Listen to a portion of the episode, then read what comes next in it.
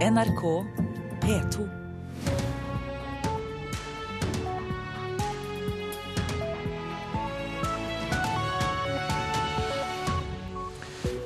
Dette er Nyhetsmorgen torsdag 15. mai. Nå klokka 6.30 er dette hovedsakene.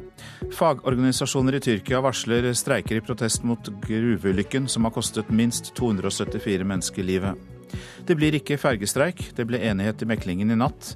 Det er også enighet i oppgjøret for ansatte i apotekene. Bøndene vil stanse all levering av egg til butikkene. Kongen fikk hudpleieprodukter i gave av Simon Peres. De produktene likte Fagforbundet dårlig. Utrolig arrogant. Ahava-produkter er eh, produkter som eh, okkupasjonsmakta Israel eh, får ut fra okkupert område. Stein Gulbrandsen i Fagforbundet. Norske musikkfestivaler frykter konkurranse fra utenlandske storarrangører. Det, det, vil påvirke økonomien til de uavhengige festivalene, for de får ikke henta de store trekkplastra. Svein Bjørge fra festivalen Tons of Rock. Her i studio i dag, Øystein Heggen.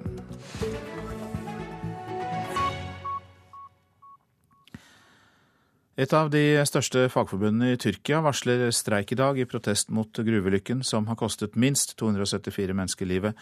80 er skadd, og i underkant av 100 mennesker er fortsatt savnet etter eksplosjonen i eh, kullgruven. Og eh, Midtøsten-korrespondent Sigurd Falkenberg Mikkelsen, du er utenfor gruven i eh, Soma. Hva skjer der i morgentimene? Redningsarbeidet pågår jo fortsatt her. Det er noe mindre intenst enn i går kveld. Men det er en stadig strøm av redningsarbeidere som går ned i gruven. Men så vidt jeg forstår, så har det ikke vært brakt opp noen levende fra gruven i natt. Eh, og det har altså da vært eh, eh, funnet en del flere døde. De slet veldig med branner i går. Jeg er litt usikker på om de har klart å få slokket de brannene nede i gruvegangene nå. Men det er i hvert fall, jeg har heller ikke sett noen røykdykkere gå ned. Men det er en annen stemning her nå. Mindre intens og også litt mer dyster enn i går kveld. Det er jo da bekreftet at 274 mennesker er omkommet. Hvordan er utsiktene til å finne flere? Det virker jo nå på meg som de utsiktene er veldig dårlige. Allerede i går natt så sa jo folk at tiden holdt på å gå ut pga. oksygenmangel nede i gruvegangene. Og siden det da sannsynligvis da ikke er funnet noen i live i løpet av natten, så er vel sjansen for at det finnes noen der nede nå som er i live, ganske liten. Det er jo varslet demonstrasjoner i dag. og hvor stor oppslutning er det ventet at eh, disse demonstrasjonene vil få? Det er vanskelig å si. Det var i går en del spontandemonstrasjoner rundt om eh, i Tyrkia rettet mot Erdogan. Eh, Tayyip Erdogan, altså Tyrkias statsminister. I dag skal fagforbundene ut i streik. Det kan være at de mobiliserer noe får da opp, opp antallet ute i gatene. Det er jo litt avhengig av altså, hvordan politikerne håndterer denne ulykken utover. Hvordan har statsministeren eh, håndtert det? Han eh, hadde jo ikke noen heldig opptreden eh, her i Soma i går. Hvor han ble angrepet av veldig sinte pårørende. Og han måtte så vidt jeg forstår, også søke tilflukt på et supermarked. Sånn at Han blir jo sett på som en del av dette systemet som driver disse gruvene. Gruvene er privatisert. Det ble gjort nylig.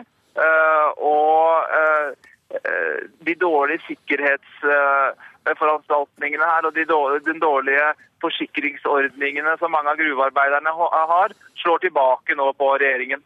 Takk skal du ha, Sigurd Falkenberg Mikkelsen, som altså er utenfor gruven i Soma i Tyrkia. Bøndene her hjemme forsøker å stanse all levering av egg til butikker. Ni eggpakkerier blir blokkert i dag. Etter at bondeorganisasjonene valgte å bryte forhandlingene med staten, så har eh, sinte bønder aksjonert flere steder. Og nå står altså matprodukter for tur. Og i Østfold har bøndene samlet seg utenfor Norturas anlegg i Rakkestad. Du er også der, Anders Vinlund, vår reporter, og hva skjer? Her står det fire-fem traktorer som sperrer to av innkjørslene foran eggpakkeriet her på Nortura. Og Foreløpig så har det ikke vært eh, noen som har blitt sperra ute, men de står klare. Det er vel en er 10-15 stykker som står her. Og også Bondelagets leder, Marta Mjølnerud. Du er eh, kledd i en oransje drakt og står her med armene i kors og sperrer folk ute. Hvorfor gjør dere det i dag? Dette er en markering i forhold til eh, det bruddet som er i jordbruksforhandlingene nå. Vi prøver å kommunisere at med det tilbudet som staten la, uh, la fram i forhandlingene, så vil det få en konsekvens for norsk matproduksjon. Og vi frykter at uh, norsk matproduksjon blir mindre med et sånt jordbruksoppgjør som ble lagt fram. Hva er det dere vil vise konkret ved å nekte forbrukeren å kjøpe egg? Vi nekter jo ikke forbrukerne å kjøpe egg, men vi prøver å hindre utkjøring av egg og innkjøring. Og det er at det er en sammenheng mellom den produksjonen og den eh, verdiskapningen og logistikken som foregår i Norge, og det tilbudet som finnes i butikkene og det tilbudet som eh, forbrukerne møter der. Men eh, her i Østfold er det jo like greit for forbrukerne å ta bilen rett og slett og kjøre opp til Sverige og kjøpe egg. Har det noen virkning? Jeg håper at folk tenker eh, i forhold til det med nasjonal matproduksjon, og, og, at det er viktig at vi har eh, matproduksjon i Norge. Vi produserer ikke mer enn 37 eh, av det vi spiser her i landet, og det er lite. Vi ser andre land som styrker egen matproduksjon mer enn det vi gjør i Norge, både med penger og i forhold til hvor mye den produserer. Så det er et tankekors hvis vi tenker oss om. Mm. Leder av fagforeningen her på Nortura, Juan Santos. Hva syns du om aksjonen? Jeg syns det er en veldig bra måte å markere, de markerer på. Fordi det, det viser på en måte si. ja, De får fram poengene sine, i hvert fall eh, vil vi tro herfra, her i Rakstad.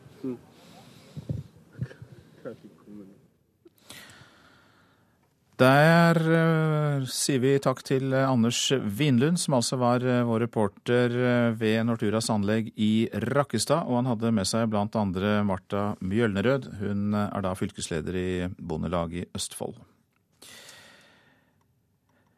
Det er likevel ingen grunn til å hamstre egg til 17. mai. Det sier kommunikasjonsdirektør i Norgesgruppen, Per Rosskifte. Norgesgruppen blant, har blant andre butikkene Spar, Joker, Kiwi og Meny. Og Rosskifte sier det ikke er grunn til panikk, i hvert fall ikke denne uken. Denne situasjonen vi har nå tilsier ikke noe hamstring. Eh, det ønsker jeg å understreke, og det er for tidlig å, å gjøre noen tiltak eh, sett fra vårt ståsted. Hva kan eh, dere gjøre? Vi håper jo at eh, jordbruksforhandlingene eh, får en løsning, eh, og at vi klarer å beholde optimismen i landbruket. For vi trenger sikre forsyninger fra den norske matproduksjonen. Per Ross skifter fra Norgesgruppen og reporter Hans Jørgen Solli.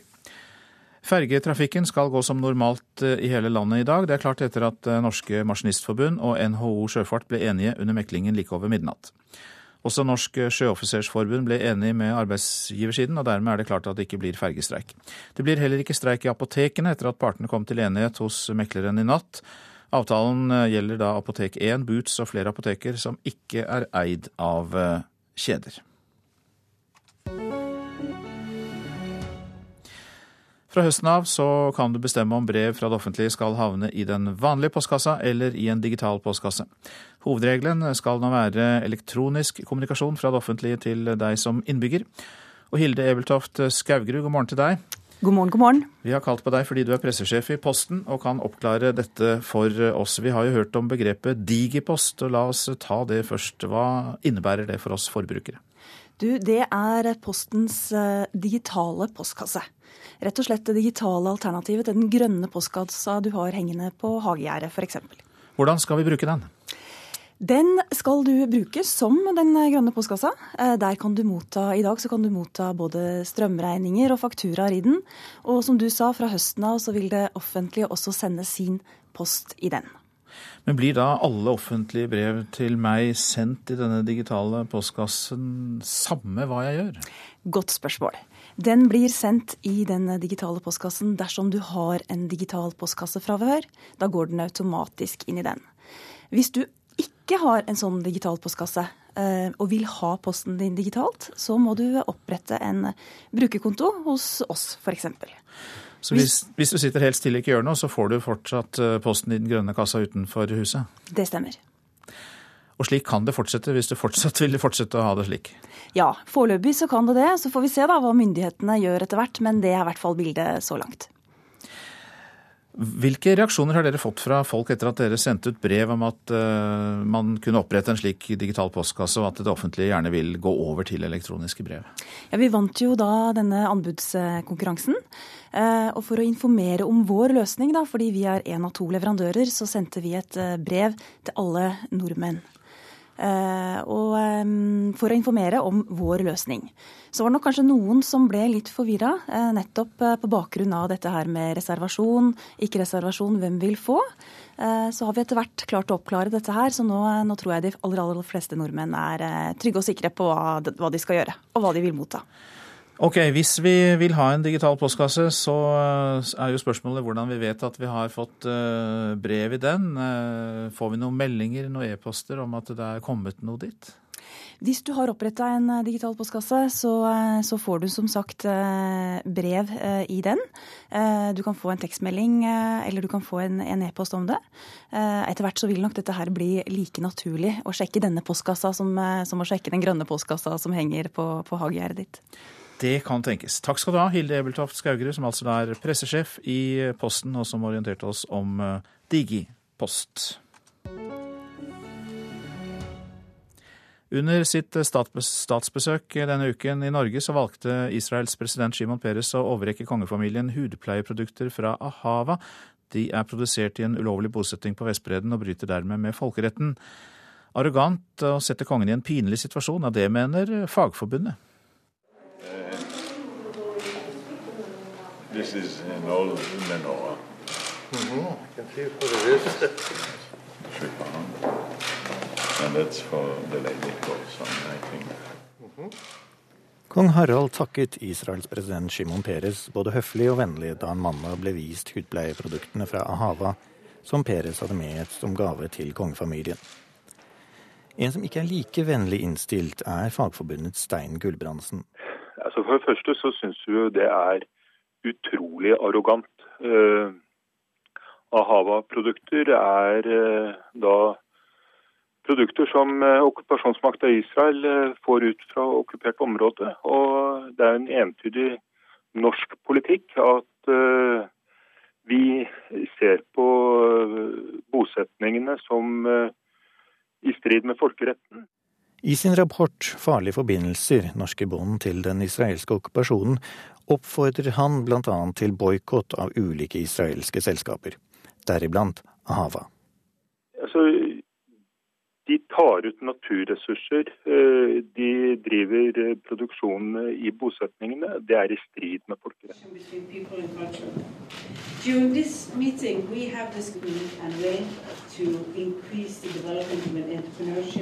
Dagen etter gaveoverrekkelsen på Slottet møtte Simon Peres vår egen statsminister og der ble det åpnet for en tettere handel mellom de to landene. Et samarbeid som kan føre til problemer, skal vi tro Gulbrandsen. Jeg syns det er forunderlig. Altså det er en eh, For det første er det vanskelig.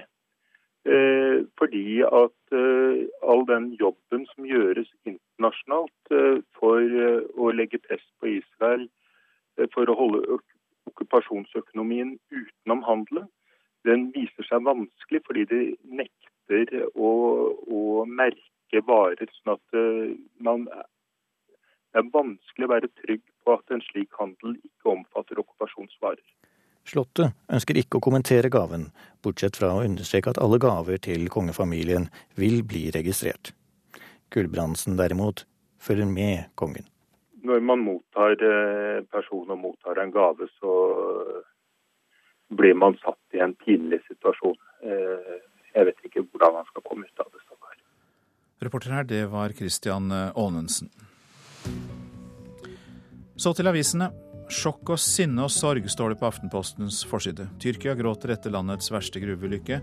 Landet har ennå ikke skrevet under den internasjonale konvensjonen om sikkerhet for gruvearbeidere. Håpet synker og sinnet vokser, er Dagsavisens omtale av gruvetragedien. Nå ventes altså demonstrasjoner mot den tyrkiske regjeringen, som anklages for å tenke mer på penger enn på mennesker. De verste skrekkhistoriene fra Nav er Dagbladet opptatt av i dag. Nav ba om kopi av egne sakspapirer. Nav friskmeldte alvorlig psykisk syk. Og fem års saksbehandlingstid, det er noen av eksemplene. For fire uker siden ble en mann dømt til fengsel for bildrap i Oslo, men ekspertene fra Statens vegvesen fortalte ikke om en hemmelig ulykkesrapport da han vitnet i retten. VG kan fortelle at gangfeltets belysning ikke var i henhold til dagens krav, og at det burde vært opphøyd gangfelt på stedet. Kiwi mot Rema. De krangler om hvem som er billigst, kan vi lese om i Dagens Næringsliv. Lavpriskjedene øker sine andeler av markedet. Kiwi og Rema har til sammen over 32% av dagligvarehandelen i Norge. Taxfree sprit og speedbåter stjal overskriftene, men Klassekampen er opptatt av den retningen regjeringen peker ut i det reviderte nasjonalbudsjettet. Der et, eh, varsles et blå-blått reformtrykk med konkurranseutsetting av offentlige oppgaver. Kirkebrann skaper kirkestrid, får vi vite i Vårt Land. Etter brannen i Porsgrunn kirke i 2011 går debatten om hvordan den nye kirken skal se ut. Et moderne, funksjonelt bygg eller en tro kopi av den gamle trekirken.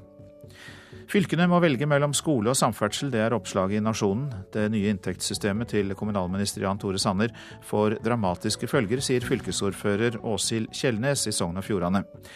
Som sammen med Nordland er taperne i det nye inntektssystemet. Sjuåring skjelt ut for å ha brukt hijab på fotballcup, er oppslaget i Adresseavisen. En far fra et annet lag skal ha gått til verbalt angrep på jenta under Astors fotballcup sist helg. Ufin og truende trakassering, det sier styreleder i Astor, Jostein Moen, til avisa. Etter eh, fire kamper på fem dager klarte ikke de norske ishockeygutta å stå imot Slovakia og gikk på sitt andre tap i VM i Hviterussland i går. Men nå er det hvile før storkampen mot eh, Frankrike 17. mai. Det er en tøff turnering, og fjerde kampen på fem dager det er jo i overkant også for en hockeyspiller. Vi var ikke pigge i beina i dag, og det så vi tydelig ute i annen og tredje periode. Det sa landslagstrener Roy Johansen etter 5-2-tapet mot Slovakia. Men Norge har seks poeng, og en kvartfinaleplass er fortsatt mulig. Da må Frankrike slås på selveste grunnlovsdagen. Håpet er ikke borte. Vi uh, trenger noen uh, resultater med oss. Det har vi hatt tidligere. Men det er klart vi må slå Frankrike, og så får vi se om vi får de andre resultatene med oss. Vi uh, kommer til å gi alt på 17. mai, det er ikke noen tvil om det. Vi må være mye bedre enn det her. Energien var tom, og det var litt sånn som det var mange slitne, slitne gutter oppå der. Da, da, blir det ikke lett med et så bra hockeylag som dette her. Sa en skuffet keeper Lars Haugen etter tapet. Nå lover han å gi alt for Norge på 17. mai. Ja, nei, det blir, det blir gøy, det. Ser fram mot det. 17. mai og mot Frankrike. Det blir, det blir en stor opplevelse. Og reporter, det var Emilie Hall Torp. Dette er Nyhetsmorgen. Klokka passerte nettopp 6.48. Vi har disse hovedsakene. Fagorganisasjoner i Tyrkia varsler streiker i dag i protest mot gruvelykken som har kostet minst 274 mennesker livet. Det blir ikke fergestreik, det ble enighet i meklingen i natt. Det er også enighet i oppgjøret for de ansatte i apotekene. Bøndene forsøker nå å stanse all levering av egg til butikkene. Ni eggpakkerier blir blokkert.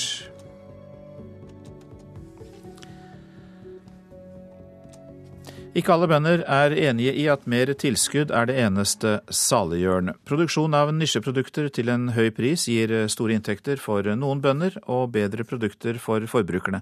Det mener i hvert fall sauebonde Per Mastrup på Geilo, som sto midt i lamminga da NRK besøkte ham i går.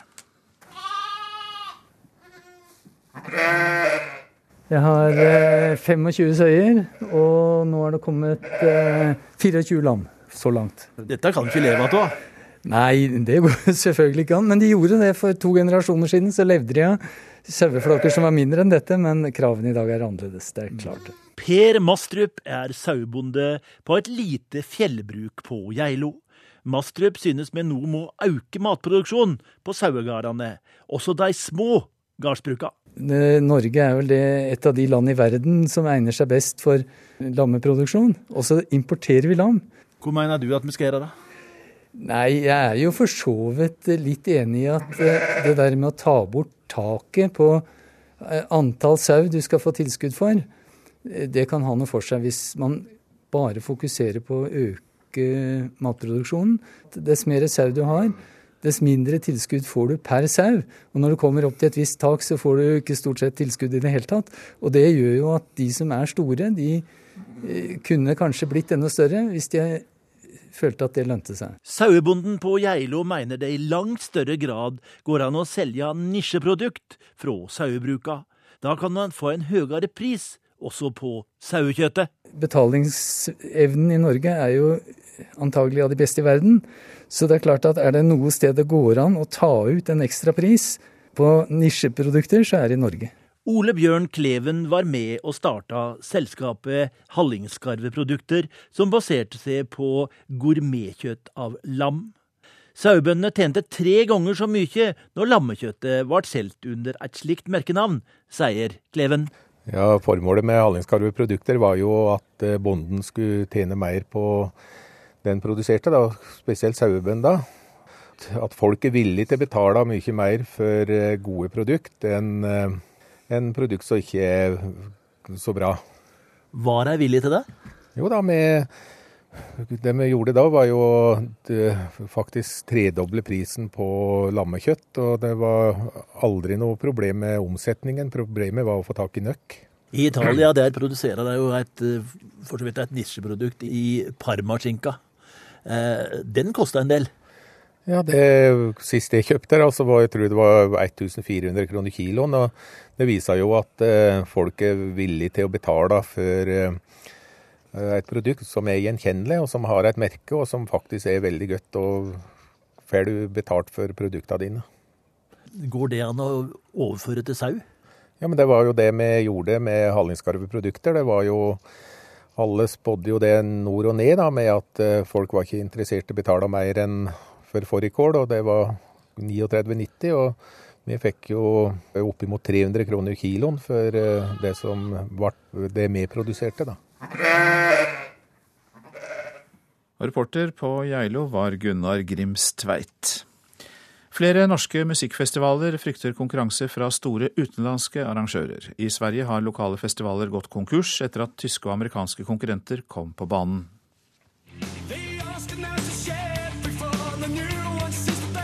Voldit er et av bandene som skal spille på festivalen Tons of Rock i sommer. Nå frykter sjef for festivalen Svein Bjørge at store utenlandske selskap skal utkonkurrere lokale norske musikkfestivaler. Det man frykter, er at vi skal få lignende tilstander som i Sverige, som vi har sett de siste åra. Der det har vært en sånn åpen krig. Og både Hulsfred og Peace and Love var store, tunge, veldig gode festivaler med en sånn klar profil. Eh, som da tapte for at eh, storkapital selvsagt kommer inn. Det, det, vil påvirke økonomien til de uavhengige festivalene, for de får ikke henta de store trekkplastra. Og Sånn sett er det nok en viss fare at enkelte festivaler vil bukke under.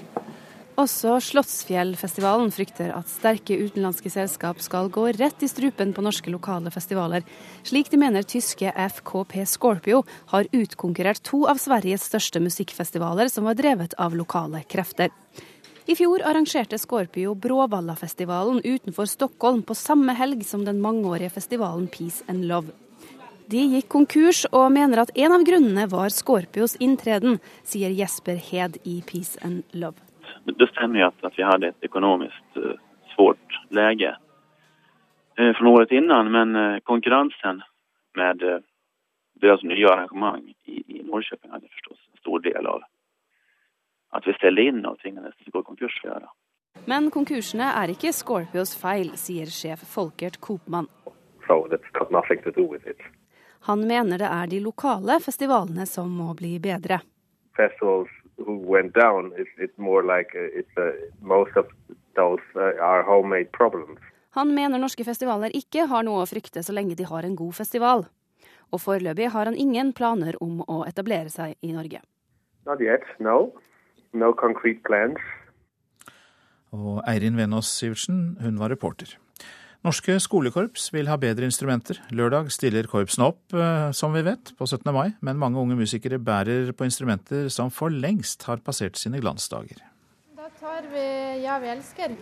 Veldig viktig at den sitter som ei kule. Smestad skolekorps er i innspurten av det som skal bli lørdagens store fest.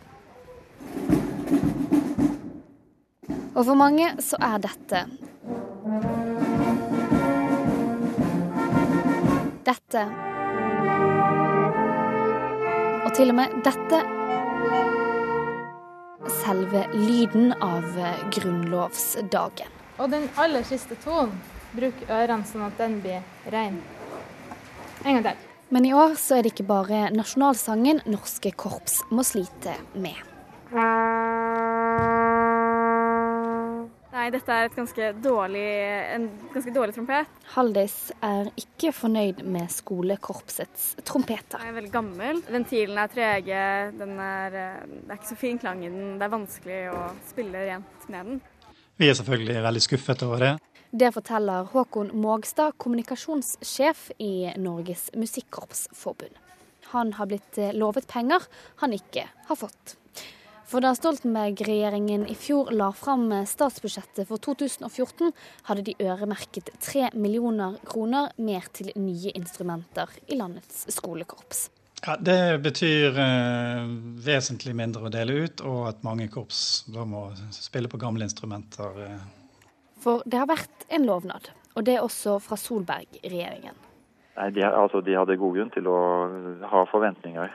For Knut Olav Åmås var en av dem som ga korpset store forhåpninger. I november skrev statssekretæren i Kulturdepartementet en direktemelding på Twitter til Musikkorpsforbundet. Her skrev han at eh, de tre ekstra millionene ville være øremerket også i deres budsjett.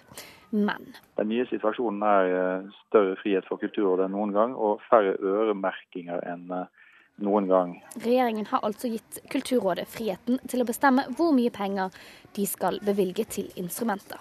Og det ble dermed ingen økning i år. Likevel understreker Åmås eh, at korps er et satsingsområde for regjeringen, og tar selvkritikk i denne saken. Og reportasjen den var laget av Marie Røsland og Guro Kvalnes. Og vi fortsetter med kulturstoff. Det nye hovedbiblioteket Bjørvika i Oslo blir 19 måneder forsinket. Årsaken er problemer med anbudsprosessen. Opprinnelig skulle biblioteket vært klart i september 2016, men nå jobbes det med åpning i løpet av første halvår 2018, skriver Aftenposten. Fire ansatte på fergen som sank utenfor Sør-Korea er tiltalt for uaktsomt drap etter ulykken. Kapteinen er en av dem som er tiltalt for grov uaktsomhet. Alle fire, er anklaget for å ha forlatt skipet mens det sank. Så til værvarselet, og først fjellet i Sør-Norge, da. Tilskyende. Fra i ettermiddag sørvest sterk kuling utsatte steder. Regn, snø over 1400 meter. Østlandet får oppholdsvær i dag, men fra i ettermiddag spredt regn. Telemark og eh, Agder det blir oppholdsvær. Lokal morgentåke i Agder. Fra i ettermiddag litt regn. Rogaland litt regn, kort og godt. Hordaland sørlig liten kuling på kysten. Stiv kuling i nord. I kveld minkende. Fra i formiddag eh, regn. Sogn og Fjordane sørlig stiv eller sterk kuling på kysten. Liten storm ved Stad. I kveld minkende vind og regn. Møre og Romsdal og Trøndelag oppholdsvær. Fra i formiddag sørlig liten kuling utsatte steder. Seinere sørvest sterk kuling på kysten. Regn fra vest. Nordland enkelte regnbyger. Sludd i nord. Fra seint i ettermiddag sørvest stiv kuling i sør. Regn og fra i kveld lokalt mye nedbør på Helgeland. Det bør vi jo legge til. Troms enkelte regn- og sluddbyger. I ytre strøk først på dagen, ellers opphold. Så går vi til Finnmark. På kysten der blir det oppe i stiv kuling først på dagen. Det blir enkelte snøbyger i ytre strøk av Finnmark, men ellers blir det oppholdsvær og litt sol. Nordensjøland på Spitsbergen. Det blir pent vær, i kveld litt snø i vest. Temperaturer, og disse ble da målt klokka fem i natt. Svalbard lufthavn minus ni, Kirkenes minus én, Varde minus to. Alta og Tromsø-Langnes pluss én, Bodø tre grader, Brønnøysund fire. Trondheim-Værnes 0, Molde 2, Bergen-Flesland 5, Stavanger og Kristiansand-Kjevik 4 grader, Gardermoen 1 grad, Lillehammer 0. Og så er det Røros, da. De har minusgrader, minus 7 faktisk, mens Oslo-Blindern hadde pluss 6 grader da klokka var 5. NRK P2. Det er dyster stemning utenfor gruven i Tyrkia, der fortsatt 100 mennesker er savnet. Og elbilen bør bort fra kollektivfeltet, mener miljøorganisasjonen. De vil heller ha et eget miljøfelt. Riktig god morgen, her er NRK Dagsnytt klokken sju. Et av de største fagforbundene i Tyrkia krever at de ansvarlige for gruveulykken må straffes. De varsler streik i dag etter ulykken som kan ha kostet rundt 370 personer livet. Hittil er 274 mennesker bekreftet omkommet etter eksplosjonen. Vår korrespondent Sigurd Falkenberg Mikkelsen er utenfor gruven, og han sier at redningsarbeidet fortsatt pågår, men at stemningen er dyster. Redningsarbeidet pågår jo fortsatt eh, her. Eh, det er noe mindre intenst enn i går kveld. Eh, men det er en stadig strøm av redningsarbeidere som går ned i eh, gruven. Men så vidt jeg forstår, så har det ikke vært brakt opp noen levende fra gruven i natt. Og det har altså da vært funnet en del flere døde. De slet veldig med branner i går. Eh, jeg er litt usikker på om de har klart å få slokket de brannene nede i gruvegangene nå. Eh, men det er i hvert fall, jeg har heller ikke sett noen røykdykkere gå ned. Men det er en annen stemning her nå. Eh, mindre intens og også litt mer dyster enn i går kveld. USA har klassifisert medlemmer av de to viktigste islamistiske opprørsgruppene i Syria som internasjonale terrorister. De to gruppene, ISIL og Nusra-fronten, er to av de største og militært sterkeste opprørsgruppene i Syria. Bøndene stanser nå all levering av egg til butikkene her i Norge. Norges Bondelag kommer til å blokkere alle landets ni eggpakkerier i protest mot statens tilbud i jordbruksoppgjøret. Miljøorganisasjonen Zero sier at de vil ha elbiler bort fra kollektivfeltet på innfartsårene til eh, Oslo.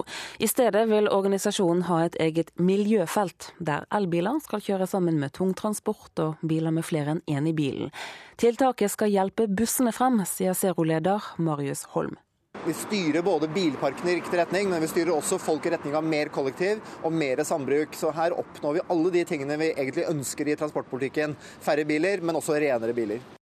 Det sa Marius Holm, og forslaget skal nå utredes av Oslo kommune så er det klart at det ikke blir noen ferjestreik. Både Det norske maskinistforbundet og Norsk sjøoffiserforbund er blitt enige med arbeidsgiversiden. Og dermed går ferjetrafikken som normalt i hele landet i dag. Tidligere i dag morges ble det også klart at det heller ikke blir noen streik blant apotekene. NRK Dagsnytt, Turi Grønbekk. Og Nyhetsmorgen fortsetter eh, med forslaget om at motorveiene inn til Oslo bør få miljøfelt for kollektivtransport og kompiskjøring. Hva sier Transportøkonomisk institutt til forslaget? Motsetningene i byregionene er for store til at de ønsker å slå seg sammen til storkommuner, tror ekspert på kommunestrukturer. Og hvorfor går det ofte så galt i verdens kullgruver? Gruvesikkerhet er tema her i Nyhetsmorgen.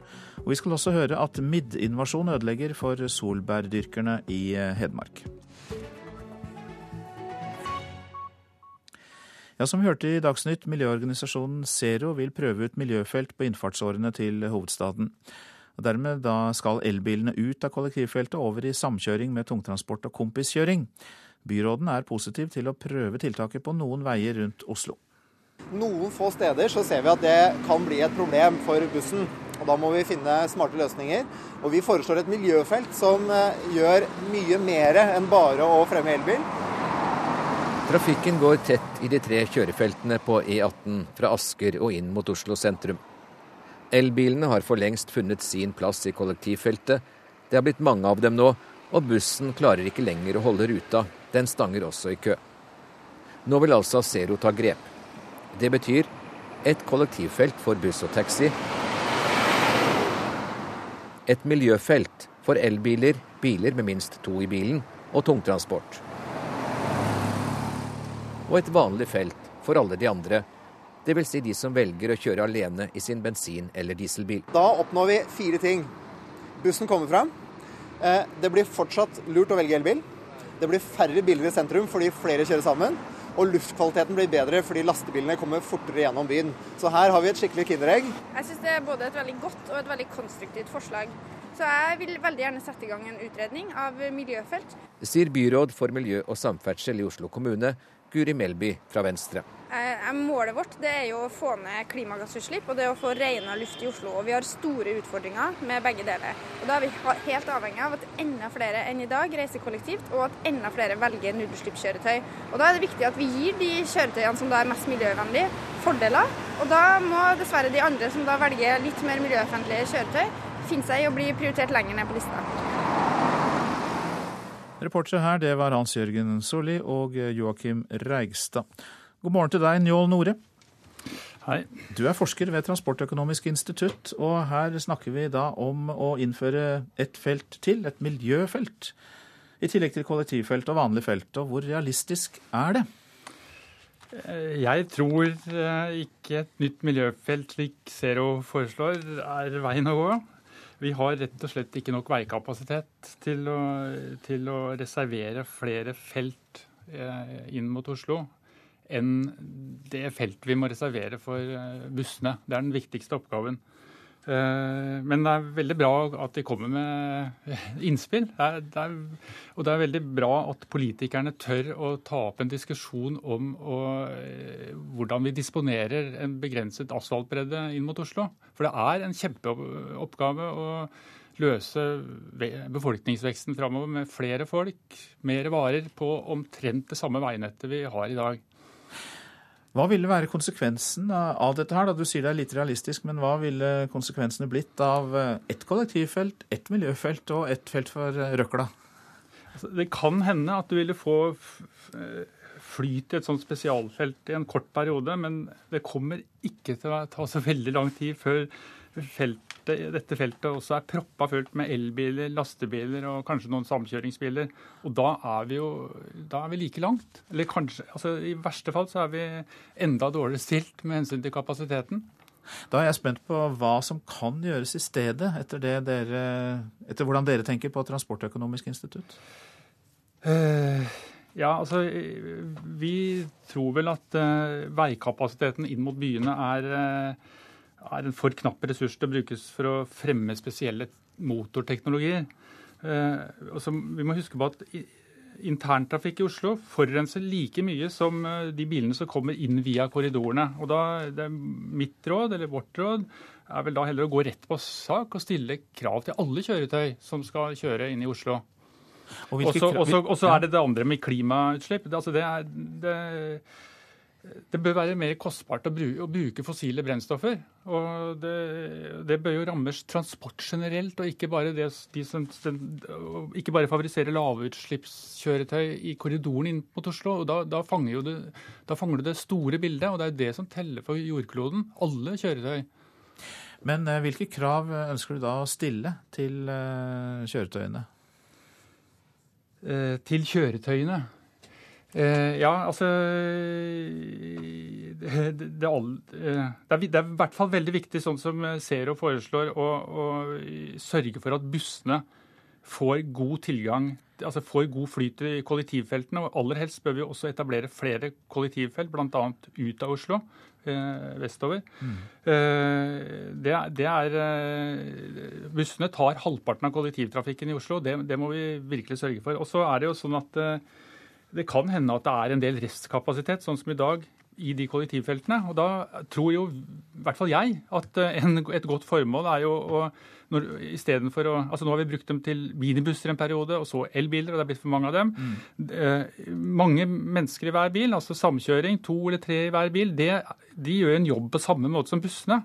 Eh, vi trenger et effektivt transportsystem. Det kan være en god, god måte å gjøre det på. Og så er det eh, Eh, resten av kapasiteten. og da er det er det, jo, det, er jo, om å gjøre å få bedre flyt i all trafikk. og Der har jo transportforskerne i alle år hatt et veldig godt råd. som jeg tror, og Det er, er å innføre en eller annen form for pris, eh, køprising som gjør at du får bedre flyt i trafikken.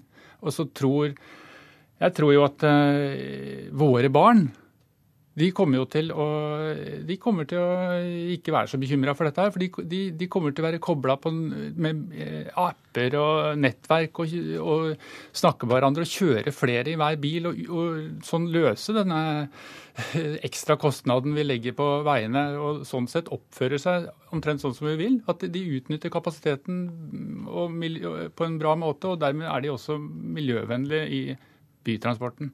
La oss håpe det. Takk skal du ha, Njål Nore, som er forsker ved Transportøkonomisk eh, institutt. Så om eh, regjeringens plan for eh, frivillig kommunesammenslåing. Det vil ikke virke for områdene rundt de store byene. Det mener en av Norges mest erfarne kommuneutredere. Geir Vinsand i Nivi Analyse tror motsetningene er for store til at byregionene vil slå seg sammen. Det er veldig sannsynlig at de ulike kommuner vil slåss for ulike løsninger, og ingen vil ta ansvar for helheten. Og Da viser eh, erfaringen med gjennomgang av kommuneinndeling og forvaltning i våre byer, det tilsier at må, det må nasjonal styring til. I går kom regjeringens plan for et nytt kommunekart.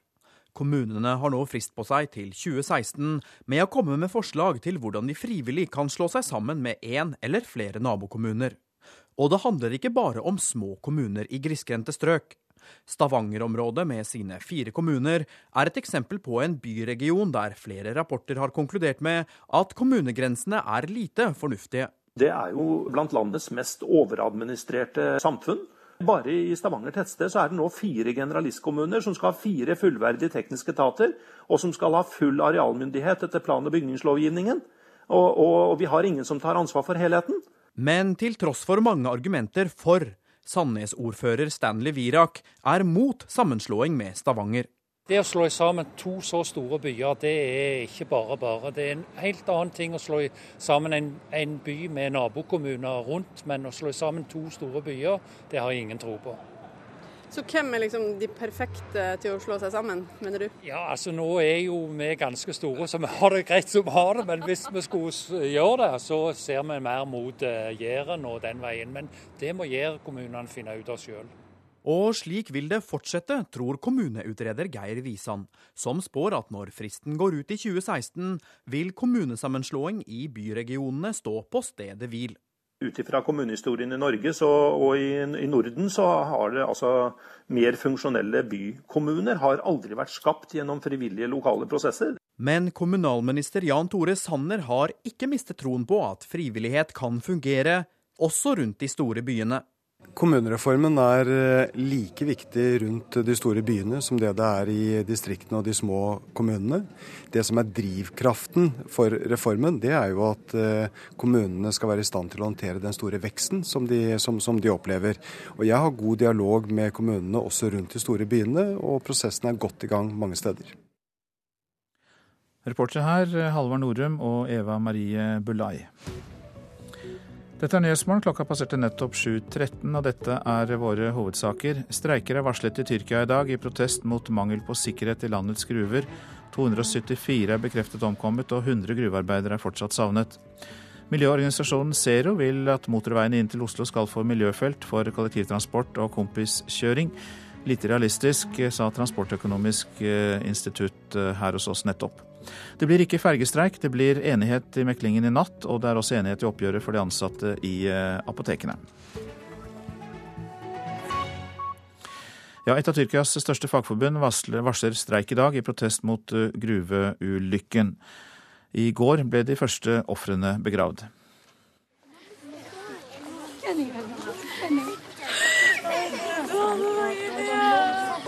Flere hundre sørgende samlet seg i går til de første begravelsene etter den største gruvekatastrofen i Tyrkias historie. Til nå er over 270 mennesker bekreftet omkommet, og håpet svinner stadig for de mange som fortsatt er savnet etter tirsdagens eksplosjon. I dag varsler også en av Tyrkias største fagorganisasjoner streik i protest mot arbeidsforholdene til gruvearbeiderne i landet. Det er en fattig trøst for de sørgende i Soma som nå begraver sine døde.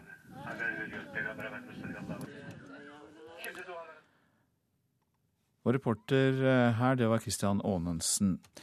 Så til eh, dere, Elisabeth Gammelsæter og Arild Hermstad. Velkommen til Nyhetsmorgen. Eh, Gammelsæter, du er generalsekretær i Norsk Bergindustri, og eh, Hermstad, du er leder i Fremtiden i våre hender. Og først til deg, Gammelsæter. Hvorfor skjer slike grusomme ulykker? Ja, det her er jo en veldig tragisk ulykke med store dimensjoner. og Vi som jobber i bergindustrien i Norge, vi føler med våre kollegaer, og vi tenker på de berørte familiene.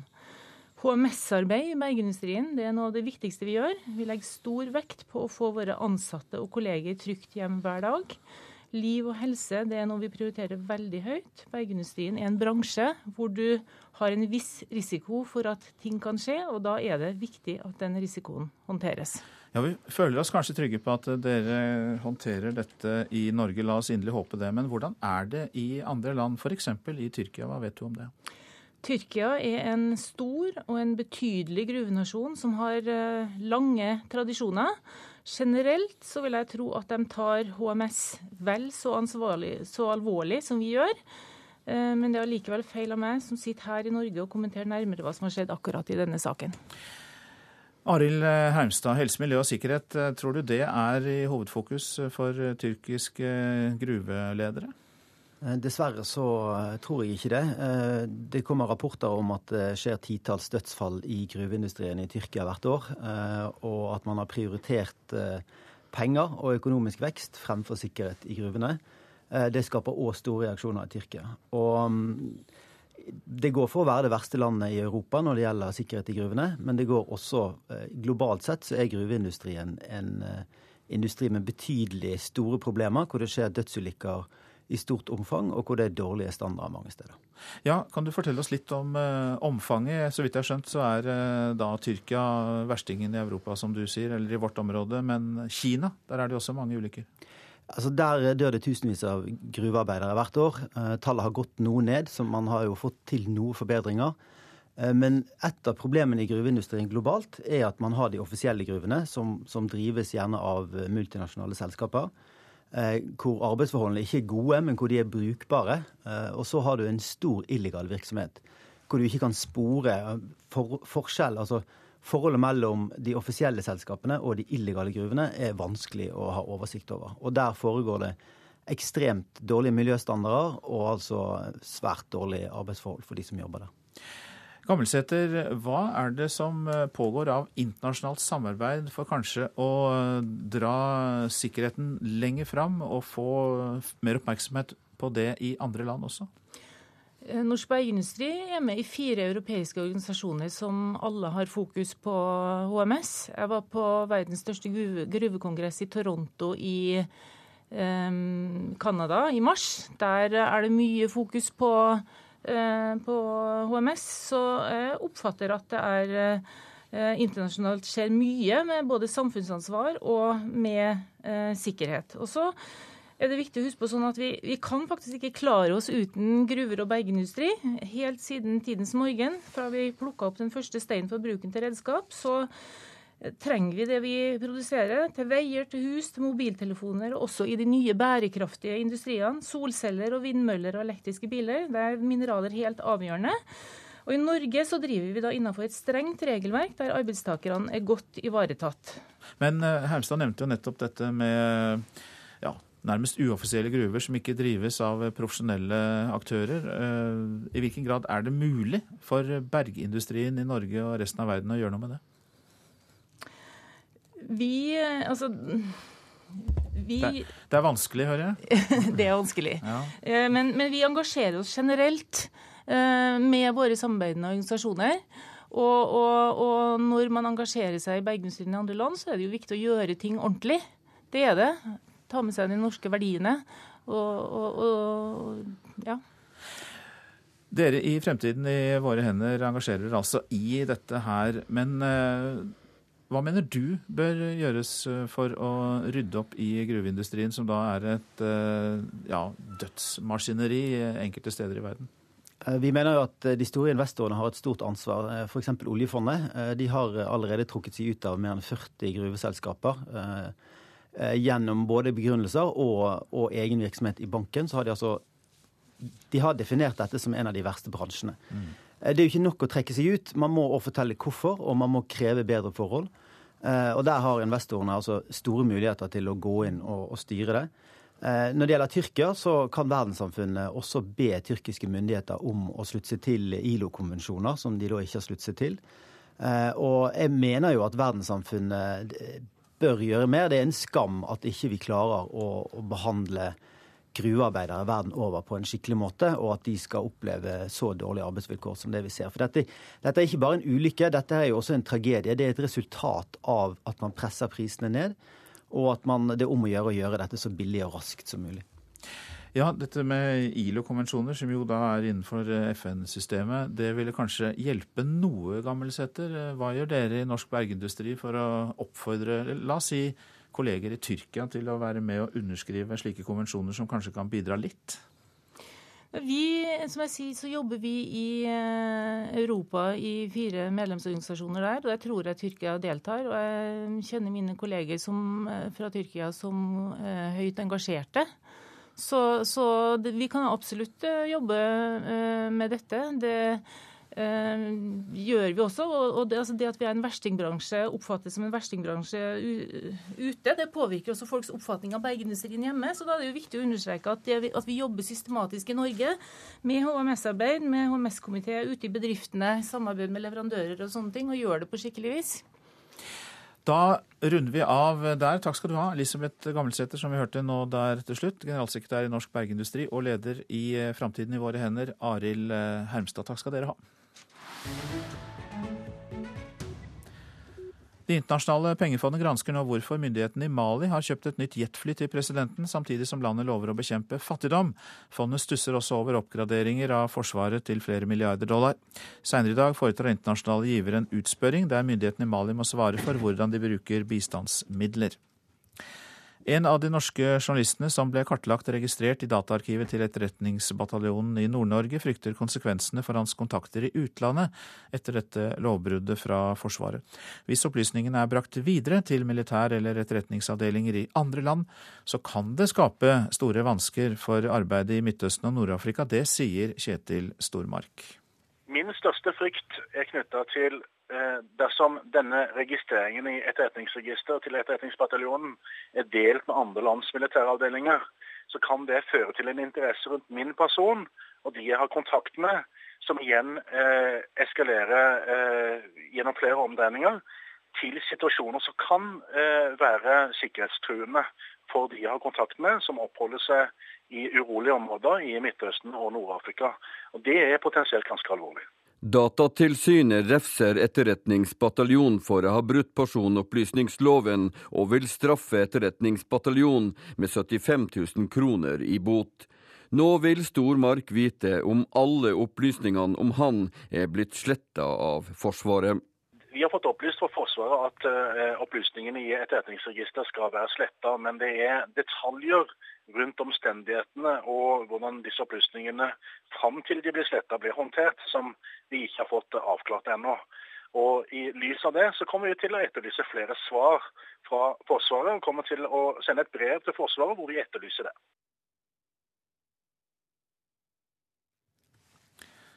Det var Kjetil Stormark vi hørte til slutt der, og reporter var Øystein Antonsen. Så til det avisene fokuserer på i dag. Sjokk, sinne og sorg, står det på Aftenpostens forside. Tyrkia gråter etter landets verste gruveulykke. Landet har ennå ikke skrevet under den internasjonale konvensjonen om sikkerhet for gruvearbeidere, som vi nettopp hørte også her i Nyhetsmorgen. Håpet synker, sinnet vokser, er Dagsavisens omtale av gruvetragedien. De verst tenkelige skrekkhistoriene fra Nav er Dagbladet opptatt av i dag. Nav ba om kopi av egne sakspapirer. Nav friskmeldte alvorlig psykisk syk. Og fem års saksbehandlingstid. Det er noen av eksemplene fra Dagbladet i dag. For fire uker siden ble en mann dømt til fengsel for bidrap i Oslo, men fra, en ekspert fra Statens vegvesen fortalte ikke om en hemmelig ulykkesrapport da han vitnet i retten. VG kan nå fortelle at gangfeltets belysning ikke var i henhold til dagens krav, og at det burde vært opphøyd gangfelt på stedet. Kiwi mot Rema de krangler om hvem som er billigst, kan vi lese i Dagens Næringsliv. Lavpriskjedene øker sine andeler av markedet. Kiwi og Rema har til sammen over 32% av dagligvarehandelen i Norge. Taxfree sprit og speedbåter stjal overskriftene, men Klassekampen er opptatt av den retningen regjeringen eh, peker ut i det reviderte nasjonalbudsjettet. Der varsles et blåblått reformtrykk med konkurranseutsetting av offentlige oppgaver, skriver avisa. Kirkebrann skaper kirkestrid, får vi vite i Vårt Land. Etter brannen i Porsgrunn kirke i 2011 går debatten om hvordan den nye kirken skal se ut. Et moderne, funksjonelt bygg eller en tro kopi av den gamle trekirken. Fylkene må velge mellom skole og samferdsel, er oppslaget i Nasjonen. Det nye inntektssystemet til kommunalminister Jan Tore Sanner får dramatiske følger, sier fylkesordfører Åshild Kjellnes i Sogn og Fjordane, som eh, sammen med Nordland er taperne i det nye inntektssystemet. Sjuåring skjelt ut for å ha brukt hijab på fotballcup, er oppslaget i Adresseavisen. En far fra et annet lag skal ha gått til verbalt angrep på jenta under Astors fotballcup sist helg i Trondheim. Ufin og truende trakassering, sier styreleder i Astor, Jostein Moen.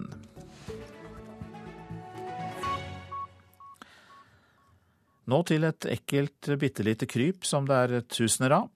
For første gang har solbærdyrkerne i Hedmark i år fått eh, solbærgallmidd på buskene sine. Og klimaendringer kan være årsaken til dette utbruddet. Det er sånne knopper. Hva er dette for noe? Det her er solbærgalmid.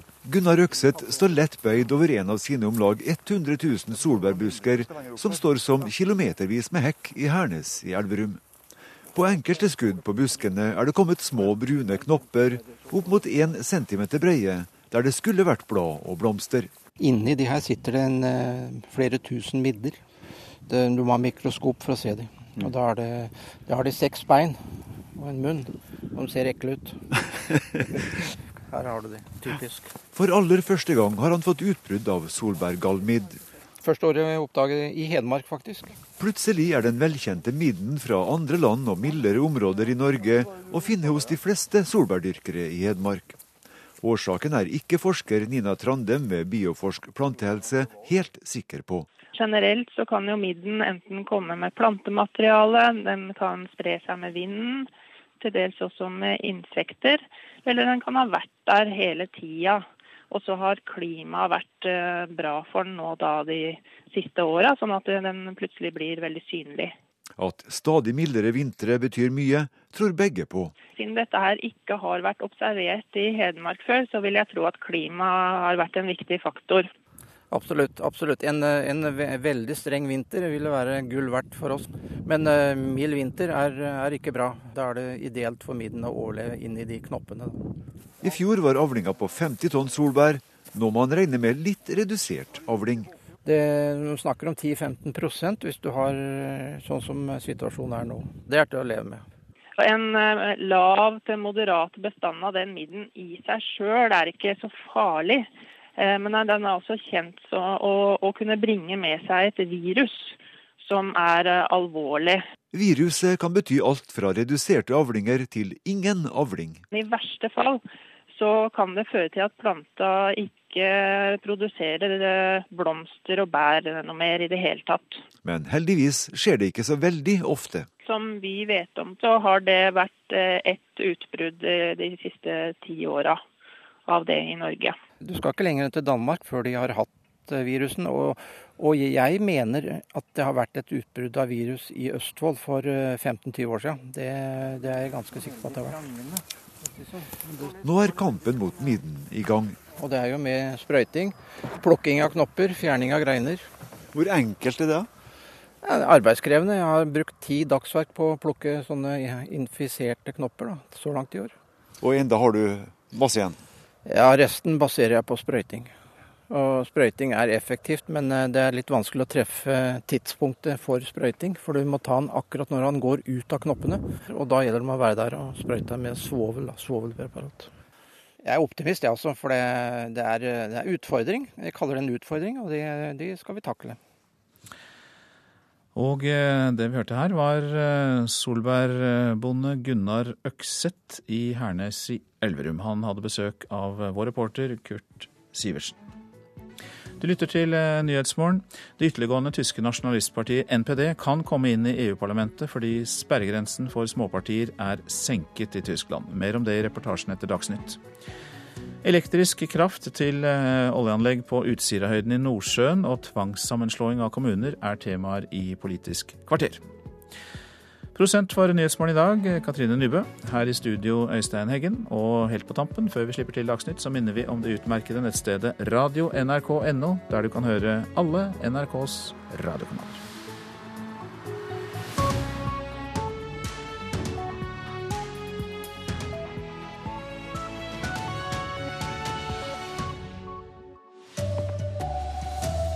Det er varslet streik i Tyrkia. Myndighetene får knallhard kritikk etter gruveulykken. Elbiler bør ut av kollektivfeltet, mener miljøorganisasjon.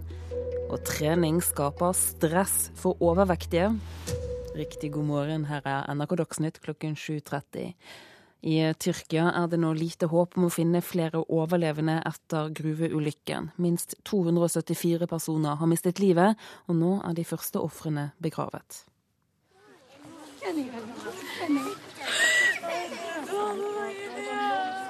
Pårørende og redningsarbeidere i Tyrkia begynner å miste håpet om å finne flere av de savnede gruvearbeiderne i live. I går samlet flere hundre seg til de første begravelsene etter den største gruvekatastrofen i landets historie. Til nå er over 270 mennesker bekreftet omkommet, og det er ventet at dødstallet vil stige kraftig.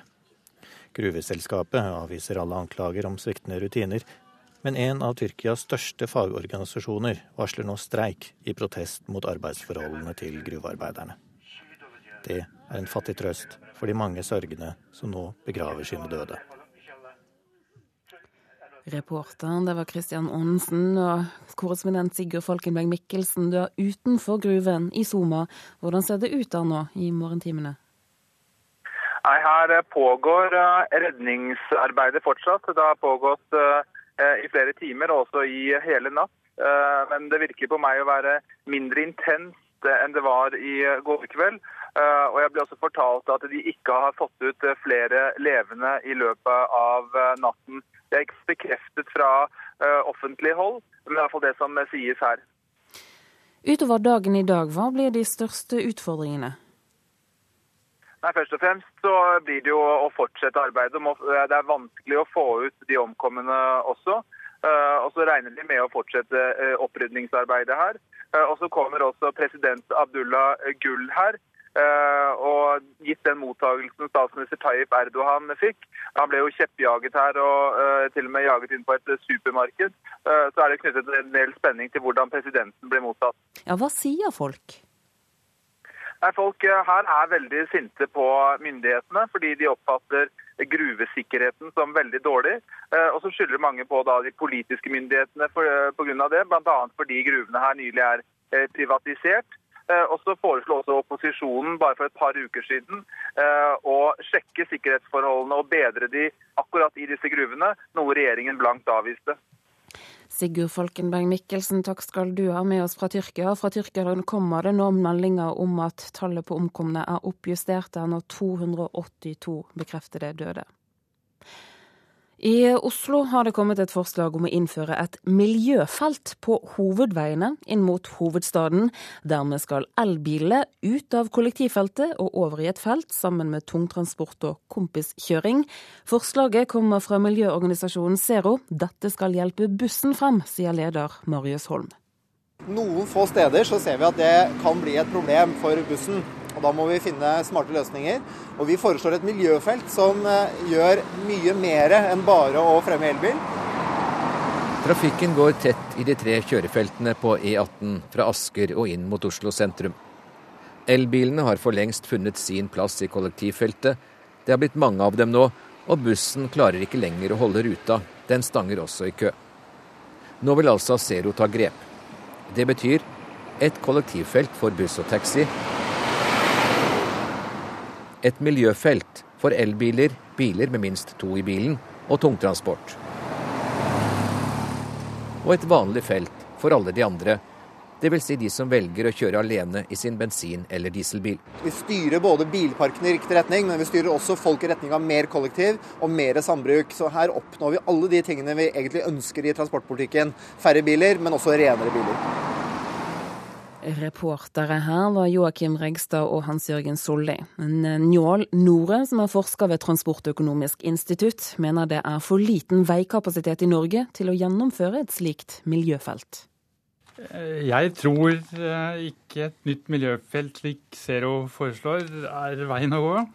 Vi har rett og slett ikke nok veikapasitet til å, til å reservere flere felt eh, inn mot Oslo enn det feltet vi må reservere for eh, bussene. Det er den viktigste oppgaven. Men det er veldig bra at de kommer med innspill. Og det er veldig bra at politikerne tør å ta opp en diskusjon om å, eh, hvordan vi disponerer en begrenset asfaltbredde inn mot Oslo. For det er en kjempeoppgave å løse befolkningsveksten framover med flere folk, mer varer, på omtrent det samme veinettet vi har i dag. Så til bøndenes aksjoner etter bruddet i jordbruksforhandlingene. Nå i morgentimene forsøker bøndene å stanse all levering av egg til butikkene. Eggpakkeriene blir rett og slett blokkert. Vi skal til Heimdal, og reporter Arne Kristian Gansmo, du står ved Norturas anlegg like utenfor Trondheim. Hvordan går bøndene til verks nå? Her er det ganske fredelig. Det var en eh, lastebil, en trailer fra eh, Nortura som skulle kjøre ut her. og Da ble den inspisert, og det ble da på, slått fast at det ikke var et eneste egg om bord. Så her skal ikke noe egg komme ut. Eh, og det er da tre Eh, bønder som står her og passer på at, eh, at, det skjer. De har med seg noen traktorer som de har stilt opp her. Eh, en tilhenger hvor det står med store bokstaver 'blokade' på et lerret som er spent opp på siden der. Og så står det 'møkkatilbud', hilsen Sør-Trøndelag Bondelag, og dette fareskiltet som har gått igjen som aksjons, aksjonslogo. Eh, dette anlegget ligger altså da liksom på kanten mellom eh, der hvor liksom nord for oss er, så er, det, så er det by og handelsområder og boliger. Og sør for oss begynner Dyrkamarka i Trondheim, så vi står liksom akkurat på kanten mellom by og land. Og det er det denne kampen kanskje handler om, eh, Jon Gisle Wikan. Dere har valgt å, å ramme forbrukerne i dag. Ja, vi håper jo at forbrukerne eh, er litt tålmodige med oss. Eh, vi valgte jo egg fordi at det er en vare som er stor omsetning på i butikk og, og relativt lite lager, så vi antar at det går tomt for egg i løpet av dagen. Men hva, hva er det som er så viktig med å ta eggene fra folk? Eh, vi ønsker ikke primært å, å, ta egg fra folk, men det er en matvare som vi ønsker å demonstrere. At, at norsk matproduksjon ikke er noe selvfølge. Eh, og eh, ved å ta ut egga i butikk, så eh, viser vi det og demonstrerer overfor det norske folk. Ikke et egg skal verken ut eller inn fra dette pakkeriet. Hvor lenge skal det stå her? Det er en sentralt bestemt aksjon, så vi står her så lenge aksjonsledelsen vil. Så det er foreløpig ikke sagt når den aksjonen skal avsluttes. Men kanskje den kommer til å vare over 17. mai i alle fall? Takk for reporten rapporten, Arne Kristian Gansmo. Så er det også klart at det ikke blir noen ferjestreik. Både Det Norske Maskinistforbund og Norsk Sjøoffiserforbund er blitt enige med arbeidsgiverne, og ferjetrafikken går dermed som normalt. Og Tidligere i dag ble det også klart at det heller ikke blir noen streik blant apotekene. Overvektige som legger om livsstilen, går likevel ikke ned i vekt fordi de produserer mer av stresshormonet kortisol. Det viser en studie ved Universitetet i Stavanger. Jo høyere stressnivå du har, altså jo høyere kortisolnivå du har, jo lavere vektreduksjon får du. Og disse funnene støtter den hypotesen vår at, at her kan det være en kobling mellom fedme og stress. Førsteemanuensis Brynjar Foss sitter på kontoret sitt og blar i studien han har gjort.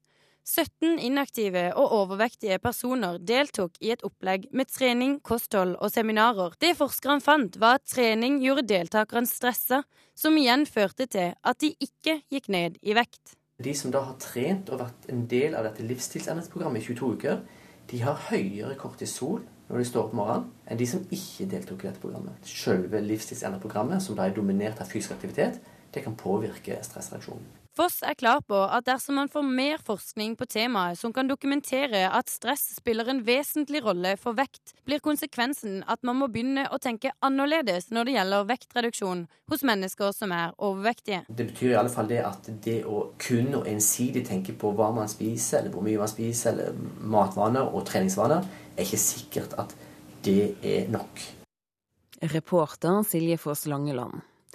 Hvis Norge skal nå kvartfinalen i ishockey-VM, så må landslaget slå Frankrike i neste kamp. Håpet er ikke borte. Vi uh, trenger noen uh, resultater med oss. Det har vi hatt tidligere. Men det er klart vi må slå Frankrike, og så må vi se om vi får de andre resultatene med oss. Vi kommer til å gi alt på 17. mai, det er ikke noen tvil om det. Vi må være mye bedre enn det her. Energien var tom, og det var litt så sånn det var mange slitne, slitne gutter ute der. Og Da, da, blir det ikke lett med et så bra hockeylag som dette her. Sa en skuffet keeper Lars Haugen etter tapet. Nå lover han å gi alt for Norge på 17. mai. Ja, nei, det blir, det blir gøy, det. Se fram mot det. 17. mai og mot Frankrike. Det blir, det blir en stor opplevelse. Reporter Emilie Hall Torp. Dagsnytt i dag det er laget av Anne Skårseth, Hanne Lunås, her i studio Turi Grønbekk.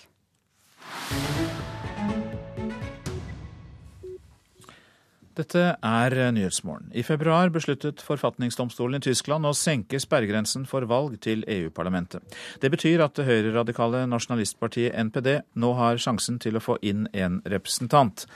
De driver nå valgkamp foran valget 22. til 25. mai, og det gjør tyske jøder bekymret. Valgplakatene for EU-valget festes godt. Vi er i Risa. I denne byen står NPD ganske sterkt og har nettopp hengt opp plakater her, slik at det er helt tydelig og en selvfølge at vi hører til i det politiske landskapet i denne byen, forteller Michael Schäfer, medlem i det høyreradikale partiet NPD, Nationaldemokratische Partei Deutschland. I delstaten Saksen øst i Tyskland står Schäfer på en stige og henger opp plakater før EU-valget 25 mai. Partiet har som mål å få plass i EU-parlamentet, og for første gang har NPD en reell sjanse til å lykkes. Ove Gioballa er eier av den jødiske restauranten Shalom i byen Chemnitz. Det er en abgehackter Schweinekopf, her er et øh, avhugget grisehode som det står jøde på.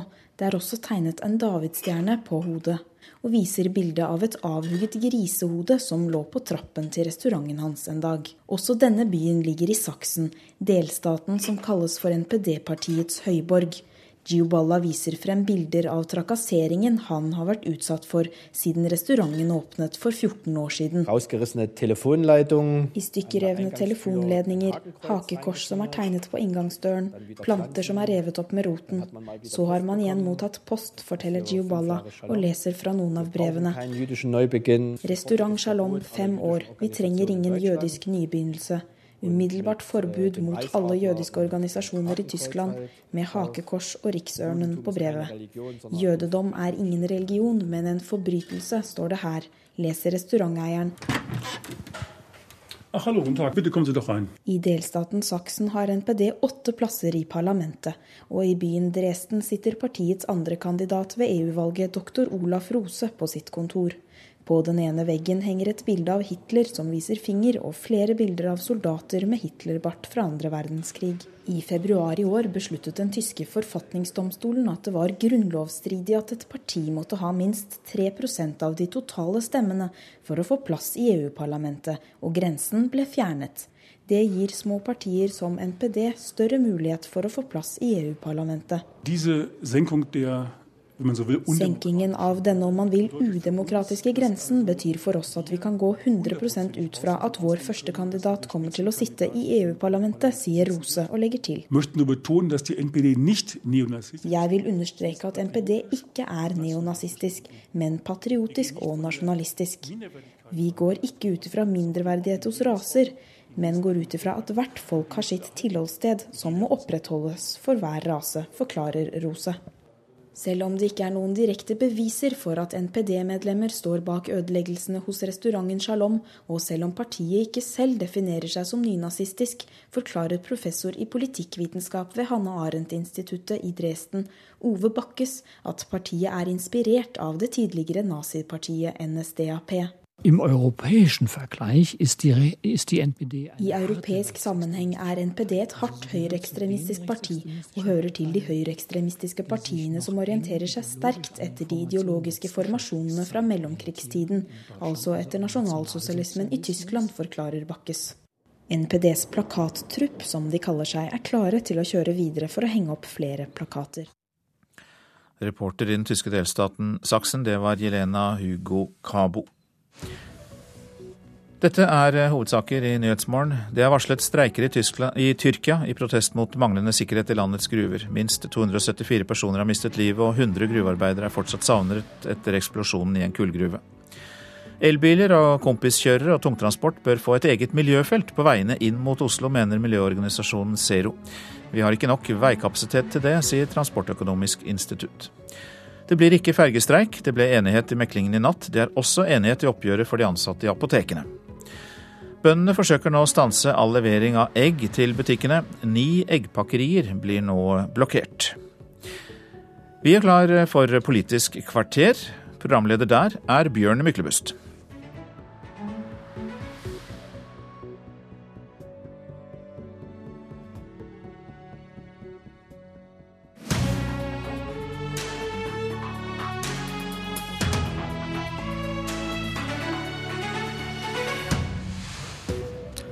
Å tvinge eller ikke tvinge, det er spørsmålet politikerne må komme med et svar på i begge sakene i Politisk kvarter i dag.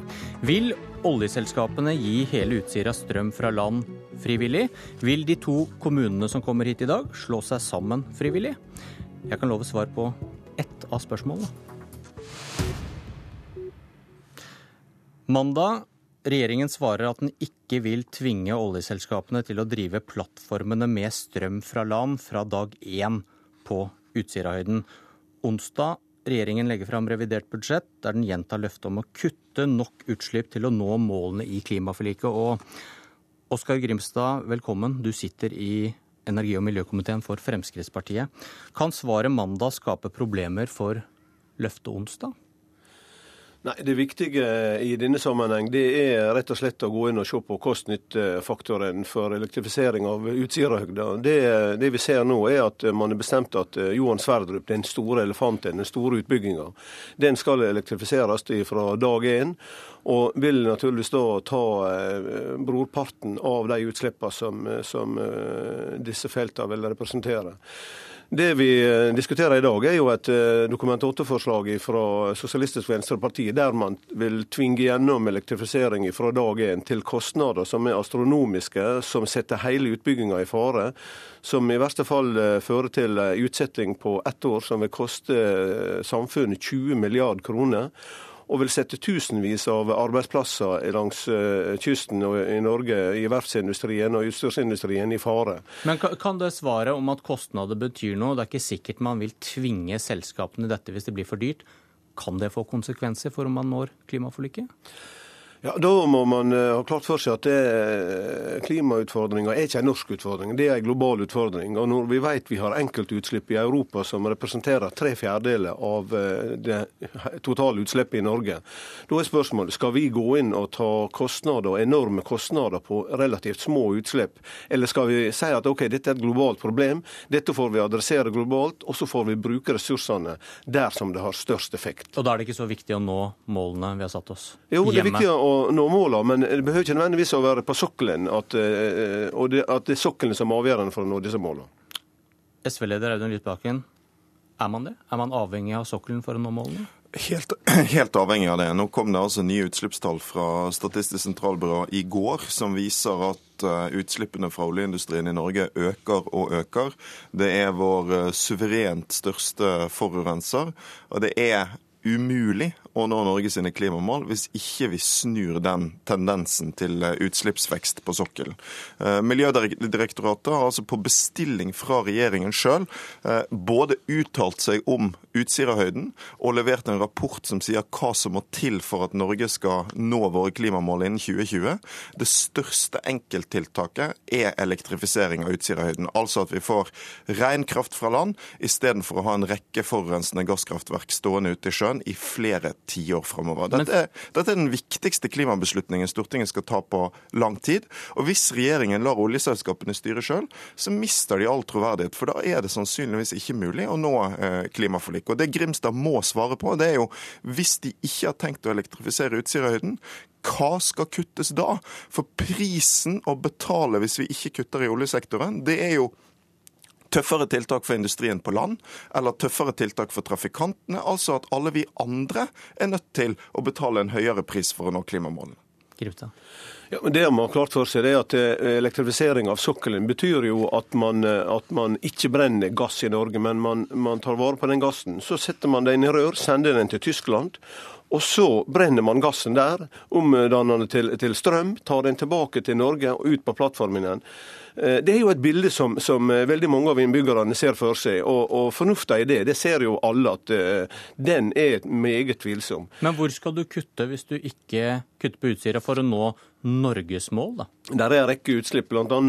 Fra, fra bil, fra industrien osv. Vi får gå inn og så får vi være målretta i forhold til å klare å redusere. Vi ser industrien har klart det. De har redusert sine utslipp gjennom mange år nå. Den økninga som Lysbakken viser til, er en økning som er på 0,1 jo, ja, vi er på, det er feil vei, men det viser også det innenfor industrien at det er mulig å ta disse tiltakene uten at vi gjør tiltak som er så dyre at de er rett og slett kost-nytte-effekter er, er, hinsides, og vi bør ta dem faktisk andre plasser eller der det koster så mye som dette. Dette synes jeg var veldig interessant fra Grimstad. for Det er første gang jeg har hørt Fremskrittspartiet tatt til orde for eh, tøffere klimatiltak for bilistene, tøffere klimatiltak for industrien på land. Det er akkurat det som er konsekvensen hvis oljeindustrien skal slippe fri. Det er altså sånn at vi har stilt oss sjøl noen tøffe klimamål innen 2020. Hvis disse gasskraftverkene får putre og går på Utsirahøyden, så betyr det utslipp tilsvarende 250 000 biler.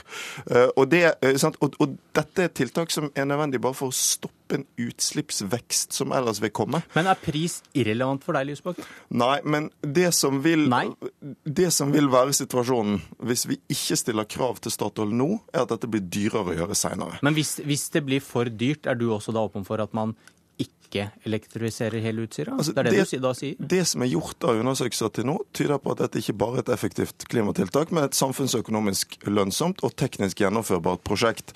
Det som er et problem, er jo at eh, Statoil eh, og regjeringen ikke vil dele all innsikt i kostnadene med offentligheten. Det er jo et av de kravene vi har stilt. Når man altså skyver penger foran seg, så får man i det minste ha en større åpenhet rundt dette.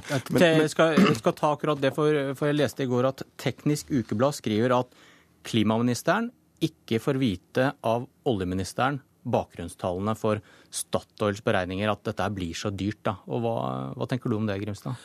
Ja, nå hadde komiteen en lukka høring med uh, selskaper som skal bygge ut, og var, uh, delte veldig mange uh, fortrolige tall som, som jeg naturligvis ikke får referere her.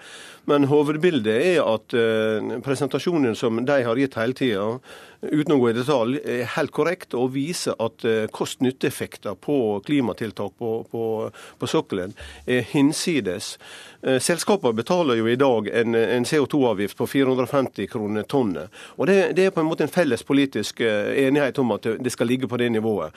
Men nå ønsker man altså å løfte det fra 450 kroner tonnet til kanskje oppunder 2000 kroner tonnet. Og da forstår alle at disse tiltakene kanskje hadde hatt større effekt andre plasser, og ville gjort en en klimareduksjon som virkelig monner andreplasser, i stedet for symbolpolitikk eh, på Utsira-feltet. Lysbakken, hva tenker du om at klimaminister Sundtoft ikke får tallene fra oljeminister Lien? Det er jo helt håpløst. Hvis det bare er oljemyndighetene som skal ha full innsikt, og ikke miljømyndighetene, så er det selvfølgelig et uh, umulig utgangspunkt for en fornuftig klimapolitikk. Men det er jo dessverre også et symbol på hvordan uh, miljøvernministeren har altfor lite makt i denne regjeringen. Og det, er, det er relevant å diskutere kostnader for tiltak, men da må man få vite hva er de reelle kostnadene, og jeg ser at det er omdiskutert. Det vi er nødt til i Norge, er å gjøre tiltak som blir dyre.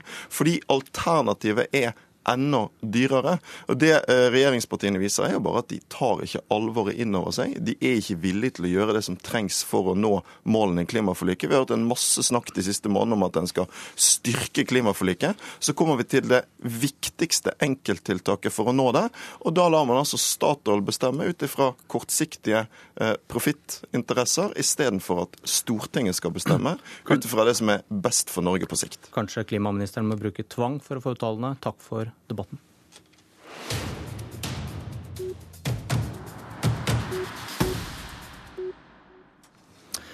Å tvinge eller ikke tvinge. To naboer kommer inn i studio. Den ene vil, men det vil ikke den andre. Skedsmo har ønsket å slå seg sammen med Rælingen, men Rælingen har sagt nei. Ordfører i Rælingen, Øyvind Sand, endret det seg i går med regjeringens forsøk på å belønne kommunesammenslåinger?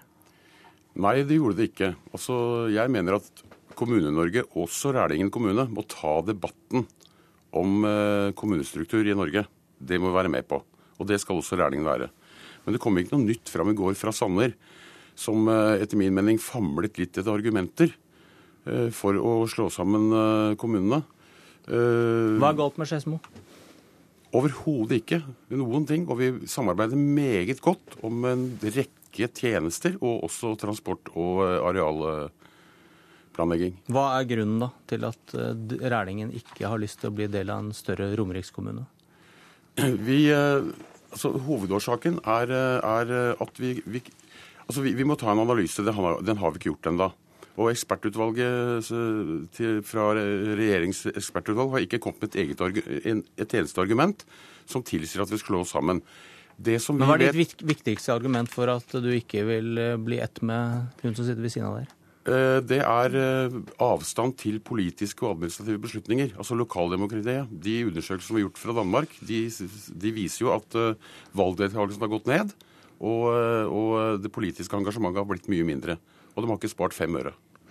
Nina Fjellheim Holsæter fra Skedsmo Arbeiderparti, leder der. Eh, ja, Hva syns du om det som kom i dag? Var det et ytterligere argument for ditt syn om at dere bør slå dere sammen? Vi tenker at det er litt eh, uklart hva som egentlig ligger i det. fordi det er jo ikke sagt hvilke oppgaver kommunene skal ha fremover. Så vi er jo avventende i forhold til å få vite mer om hvilke oppgaver vi skal ha. Men hva er, eh, hva er, grunnen til at dere har vært eh, positive til en større romerikskommune? Skedsmo Arbeiderparti er positive til en kommunesammenslåing, samtidig som jeg påpeker at vi ønsker at det skal være frivillig. For det er jo ikke noe poeng i å tvinge noen til å gjøre det. Eh, vi tror det kan være bra i forhold til å gi innbyggerne våre gode tjenester. Altså Større fagmiljøer gir bedre tilbud. Ja, hva, hva, konkret er det som kan bli bedre hos dere hvis dere blir, blir større? Eh, det ene er jo at vi kan sant, får, Vi har en del områder hvor vi trenger spisskompetanse. Og da tror vi at det vil bli bedre hvis vi blir flere og en større fagmiljøer. Det er jo sånn det ofte er. Og i tillegg så tror vi at i forhold til interkommunale selskaper, så vil det være gunstig. For nå har vi jo en rekke interkommunale selskaper for mange eh, kommunale tjenester. Eh, vi, hvor beslutningene er flyttet ut fra kommunestyret. Så dere bruker dette demokratiargumentet litt ulikt. Du mener at det er et uh, argument for. Hva sier du til det? Du brukte demokratiargumentet mot. Ja, altså, jeg, jeg ser, jeg, Vi må ta diskusjon om de interkommunale selskapene også. Men det er faktisk slik at kommunestyret har full anledning, sånn som det er i dag, til å styre selskapene på vegne av innbyggerne. Det, det er, godt, det er mulig. Og det gjør vi, det gjør vi i Rælingen. Har de det? Eh, selvfølgelig har de det, men samtidig så er det sånn at når man har flere representanter fra flere kommuner, så er jo vi eh, får du ikke den gode dialogen og direkte styringa som du vil få hvis det er ett kommunestyre som styrer det. Men det er jo ett av flere argumenter. Og så tenker vi også at man må ta utredninger og se på hvilken kunnskap man har, og se på hvilke effekter man kan ha fremover. Hva vet dere om hva innbyggerne deres mener om dette? Jeg tror at at For det første så er Dere har ikke målt det, eller? Nei, vi målte det for noen år siden, og da var det imot. Eh, men det, da var det faglige og saklige argumenter også etter en analyse som tilsa at det var ikke lønnsomt. Nå har situasjonen endret seg. Eh, når det gjelder innbyggerne i Rælingen, så, så, tror jeg det er eh, både for og imot. Jeg tror, at, jeg tror at hvis vi hadde tatt en folkeavstemning, så kan ikke jeg si om det hadde blitt mot eller for. Det kan jeg ikke si. Men derfor så er dette dreier seg veldig mye om følelser. For det finnes ennå ikke noe dokumentasjon som tilsier kommunesammenslåing eller ei. Det vi vet om Rælingen, det er at vi har en robust kommune med en god økonomi og gode tjenester. Så vi må da finne ut er det ytterligere noe vi kan tjene eller bidra med til andre kommuner i, uh, i framtida. Hva vet du om hva innbyggerne i Skedsmo ønsker? Det er jo akkurat som det gjelder for innbyggerne i Rælingen, at det er vi ikke helt sikre på. Men har dere, har dere målt det? Ja, Vi har heller ikke målt det. Så Nei. da man må man jo undersøke det også, for det er jo en del av demokratiet. Ja, er det sentralt å få vite hva folk vil, og ikke bare hva administrasjon og politikere vil? Selvfølgelig er det viktig. I forkant at man gjør en eventuell sammenslåing, så må man vite også hva innbyggerne i kommunen mener. Det mener jeg er et viktig argument. Sanner han, han lokker og han truer Sand. Eh, hvordan tror du kommunestrukturen på Romerike ser ut i 2020? Jeg vil, ikke, jeg vil ikke se det for meg, men det jeg kan si, det er at noe diktat fra regjering sittende regjering, enten den ene eller den andre, det går ikke jeg med på. Det er fordi at vi kommunene driver analyse på, eh, på tjenester, økonomi osv. hvert eneste år. Så dette må baseres på frivillighet, og kommunene må bestemme sjøl, for det er dem som veit det best. Vi får se i 2020. Takk for at dere kom til Politisk kvarter. Jeg heter Bjørn Myklebust.